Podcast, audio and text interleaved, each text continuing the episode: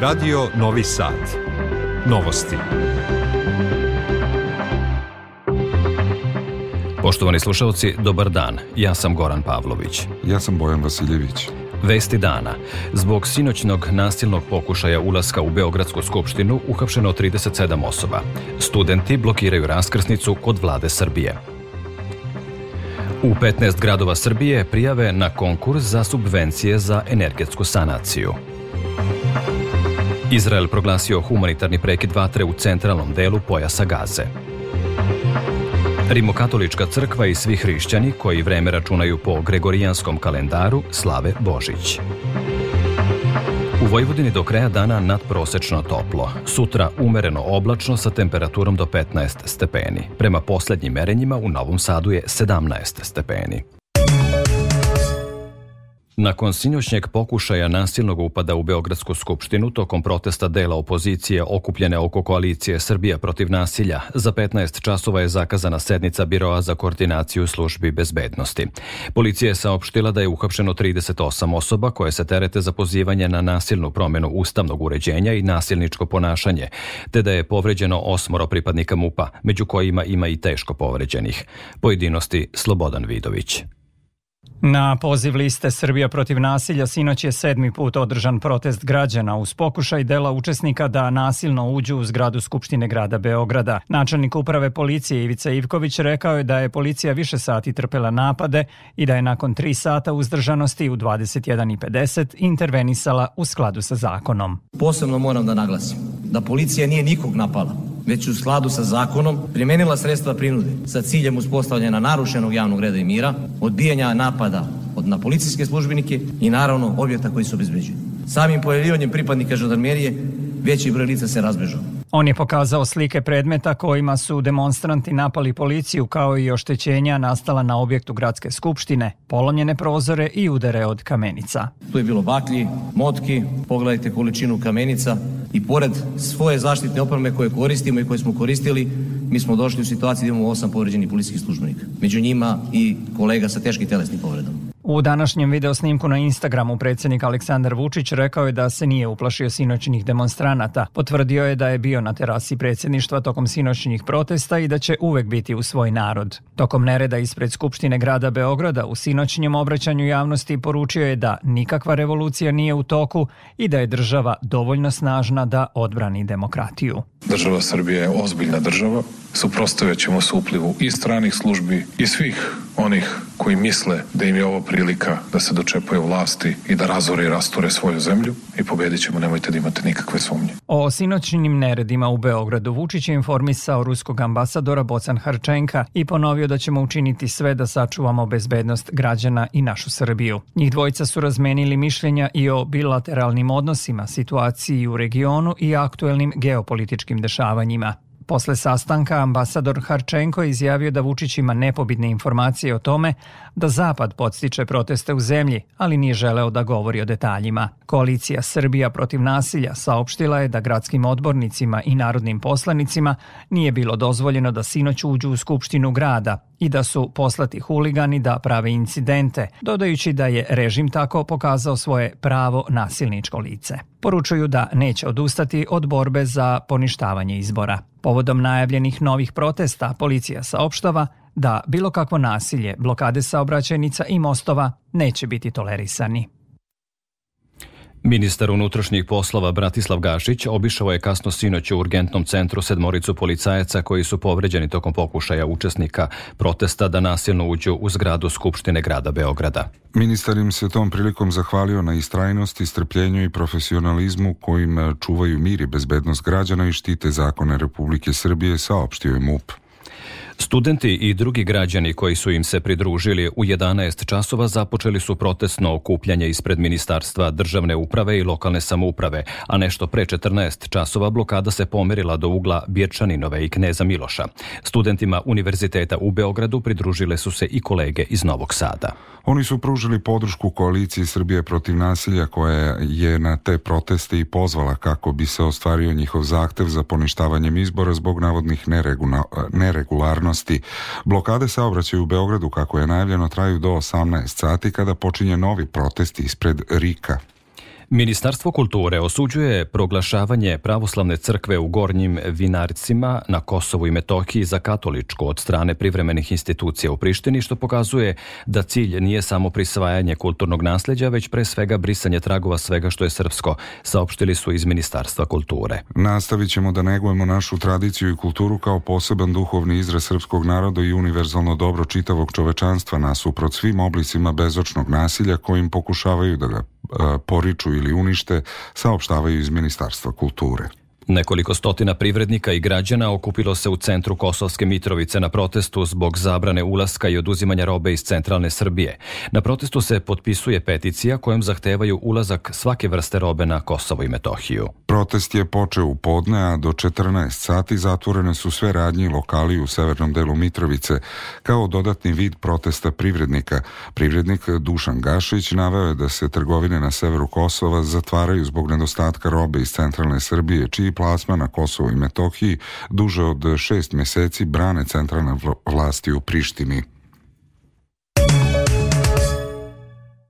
Slušate novosti Radio Novog Sada.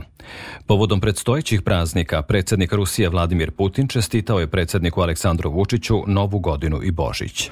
Bez obzira na nelaku situaciju u svetu, odnosi između Rusije i Srbije, koji se temelje na viševekovnim tradicijama prijateljstva i duhovne bliskosti, razvijaju se u konstruktivnom duhu. Računam na nastavak našeg dijaloga i produktivnog zajedničkog rada po aktualnim pitanjima bilateralne, regionalne i međunarodne agende. Srpskom narodu želim mir i prosperitet, navodi se u čestitki predsjednika Putina. Vernici crkava koji vreme računaju po gregorijanskom kalendaru danas proslavljaju najradosniji praznik Božić, rođenje Isusa Hrista.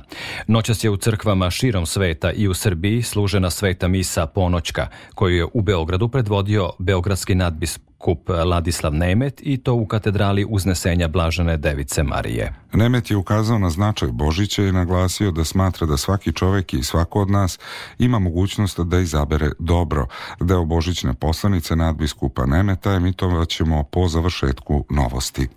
Ministar za ljudska i manjinska prava i društveni dijalog Tomislav Žigmanov uputio je čestitku svim nosiocima crkvenih vlasti i vernicima koji Božić slave po gregorijanskom kalendaru. Čestitke je uputio i zaštitnike građana Zoran Pašalić. I patrijarh Srpski Porfirije uputio je čestitke papi Franji, crkvenim velikodostojnicima i svim vernicima koji Božić proslavljaju po gregorijanskom kalendaru. Kako Božić protiče onima koji nemaju svoj krov nad glavom, niti porodicu s kojom bi ga proslavili, uz čiju i kakvu podršku dočekuju najradosniji hrišćanski praznik. To je proveravala naša novinarka Rada Stajić koja je posetila prihvatilište za beskućnike u Subotici. Tiboru Peliheu Oluja je pre godinu dana srušila kuću u Čantaviru. Od tada je ovaj invalidski penzioner krov nad glavom našao u prihvatilištu za beskućnike u Subotici. Najpre je pomoć primao, a sada je pruža drugima kao volonter Crvenog krsta. Idem svaki radni dan u žedniku, starom žedniku da delim hranu. Ja pokušam da pomognem drugima. Isto da pomognem. Što ja dobijam pomoć i ja da pružam pomoć. U prihvatilištu za beskućnike u Subotici trenutno je 12 uglavnom starijih muškaraca koji nemaju svoj krov nad glavom niti porodicu koja bi brinula o njima. Tu imaju toplu sobu, čist krevet, tri obroka dnevno, lekarsku negu, ali i društvo kako sebi sličnih, tako i volontera Crvenog krsta koji im svakodnevno pružaju podršku, a nastoje da im ulepšaju i Božić. Evo šta o tome kaže Nevena Lukić iz Crvenog krsta Subotica. Na taj način se osjećaju de, delom društva, osjećaju se prihvaćenim, osjećaju se da ih neko razume i kada mi prepoznajemo njihove potrebe, kad ih upućujemo tamo gde treba, onda znači imaju taj osjećaj da su, da, da su ljudi, da negde nekome pripadaju, da neko brine o njima. Pored pomoći ljudima bez krova nad glavom, Crveni krst nastoji da božićne praznike olakše i onima kojima je potrebna podrška na putu do zdravlja, te organizuje akciju dobrovoljnog davalaštva krvi. Humani Božić je tradicionalna akcija, tako završavamo godinu šaljući jednu lepu poruku da brinemo i o svim onim ljudima koji su bolesni, zahvaljujući službi za transfuziju krvi opšte bolnice Subotice, eto prikupili smo 57 jedinica krvi, e, potrudili se da deci dobrovni davalaca Deda Mraza ulepša te praznike. Pored slavlja i okupljanja najbližih, praznici su povod da jedni drugima poželimo puno zdravlja, ljubavi, sreće i uspeha, ali da ne zaboravimo ni one koji nemaju ništa od toga, te da prema njima iskažemo humanost, kao što to čine volonteri Crvenog krsta Subotice. Jer što je više delimo, sreća postaje sve veća i veća. Svet Ministarstvo zdravlja u Gazi navodi da je najmanje 70 palestinaca poginulo u izraelskim napadima na izbeglički kamp u Magazi u centralnom delu pojasa Gaze. Sa druge strane, IDF prenosi da je u borbama stradalo 13 pripadnika izraelske vojske i navodi da je blizu operativne kontrole na severu Gaze, zbog čega se okreće ciljevima na jugu. Premijer Izraela Benjamin Netanjahu kaže da će izraelska vojska nastaviti da se bori sve dok se ne postigne potpuna pobeda nad Hamasom. Šef Svetske zdravstvene organizacije Tedros Gebreisus poručuje da je uništavanje zdravstvenog sistema u Gazi tragedija i pozvao na momentalno uspostavljanje primirja, a da se bolnice u Gazi svakodnevno suočavaju sa stalnim prilivom ranjenih pacijenata. Ukrajinska vojska navodi da su u ruskim napadima na Hersonsku oblast tokom vikenda poginule najmanje četiri osobe, dok je njih devet ranjeno, a region je granatiran najmanje 88 puta. General oružanih snaga Ukrajine kaže da više nema dobrovoljaca, zbog čega su predstavnici regrutnih centara prinuđeni da idu od vrata do vrata. Prethodno je ministar odbrane Ukrajine saopštio da će muškarci uzrasta između 25 i 60 godina koji žive van zemlje morati da se jave na služenje vojnog roka, ali da najka, ali kasnije je port parol ministarstva demantovao da se tako nešto razmatra. Finski ministar odbrane poručuje da nema brzo kraja rata u Ukrajini i kaže da je ruska politika moći stvorila osjećaj nesigurnosti u Evropi i svetu. Ukrajinski predsjednik Volodimir Zelenski sinoć je čestitao Božić Ukrajini Ukrajincima koji praznik slave po gregorijanskom i novojulijanskom kalendaru. Policija je tokom pretresa pronašla improvizovanu eksplozivnu napravu u kući u selu Gostun, u kojoj je živeo student koji je u četvrtak ubio 14 osoba u zgradi Filozofskog fakulteta Karlovog univerziteta u Pragu, izjavio je port parol policije Jan Danek. On je dodao da su istražitelji pronašli i plinske boce sa otvorenim ventilima. Verovatno je da je time on nameravao da digne kuću u vazduh, a moguću tragediju sprečili su policija i vatrogasci. Na Filozofskom fakultetu u Pragu student je u četvrtak ubio 14 i ranio 25 ljudi, a potom izvršio samoubistvo. U nastavku novosti vraćamo se domaćim aktuelnostima. Patrijarh Srpski Porfirije dodelio je 35 stipendija studentima i đacima širom Srbije koji se ističu postignutim rezultatima u školovanju, a potiču iz porodica sa više dece. Stipendije su iz namenskog fonda pri zadužbini Sime Andrejevića i Gumanova, a namenjene su darovitim đacima i studentima iz porodica sa četvoro i više dece slabijeg imovnog stanja.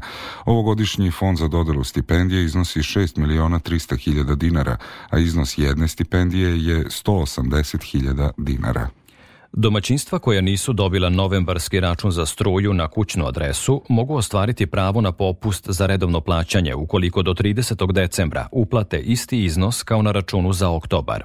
U EPS-u poručuju da na taj način žele da izađu u susret redovnim platišama, pošto je zbog hakerskog napada dostava preostalih računa za novembar izuzetno otežana. Iz bezbednostnih razloga i dalje su kažu vam funkcije portal uvid u račun kao i uplate na šalterima EPS-a. Svi IT sistemi EPS-a postepeno se oporavljaju od nezapamćenog sajber napada i apsolutni prioritet su zaštita sistema i bezbednost podataka, navode u EPS-u. Iz kulture. Potpredsednica vlade i ministarka kulture Maja Gojković istakla je na svečanosti povodom otkrivanja biste Dejana Medakovića u Novosadskoj matici Srpskoj da je od velike važnosti da i u savremenom društvu što više afirmišemo vrednosti zadužbinarstva i dobročinstva kao vredan zalog za lepšu budućnost, jer bolje sutra uvek počiva na ugledanju na ono najvrednije što su nam preci ostavili. Gojković je bistu otkrila sa Pavlom Medakovićem, sinom Dejana Medakovića na dan dobrotvora Matice Srpske koji se obeležava na rođendan Marije Trandafil, jedno od najvećih dobrotvora u našem narodu. Sport. Rukometaši Novosadske Vojvodine savladali su u Lazarevcu ekipu borca iz Banja Luke sa 37-28, čime su sedmi put osvojili trofej sve srpskog prvaka. Na tom turniru tradicionalno nastupaju po dva najbolja tima iz Srbije i iz Republike Srpske. U poslednjoj utakmici 13. kola ABA lige košarkaši Mege će od 18 sati ugostiti Igokeu u Beogradu.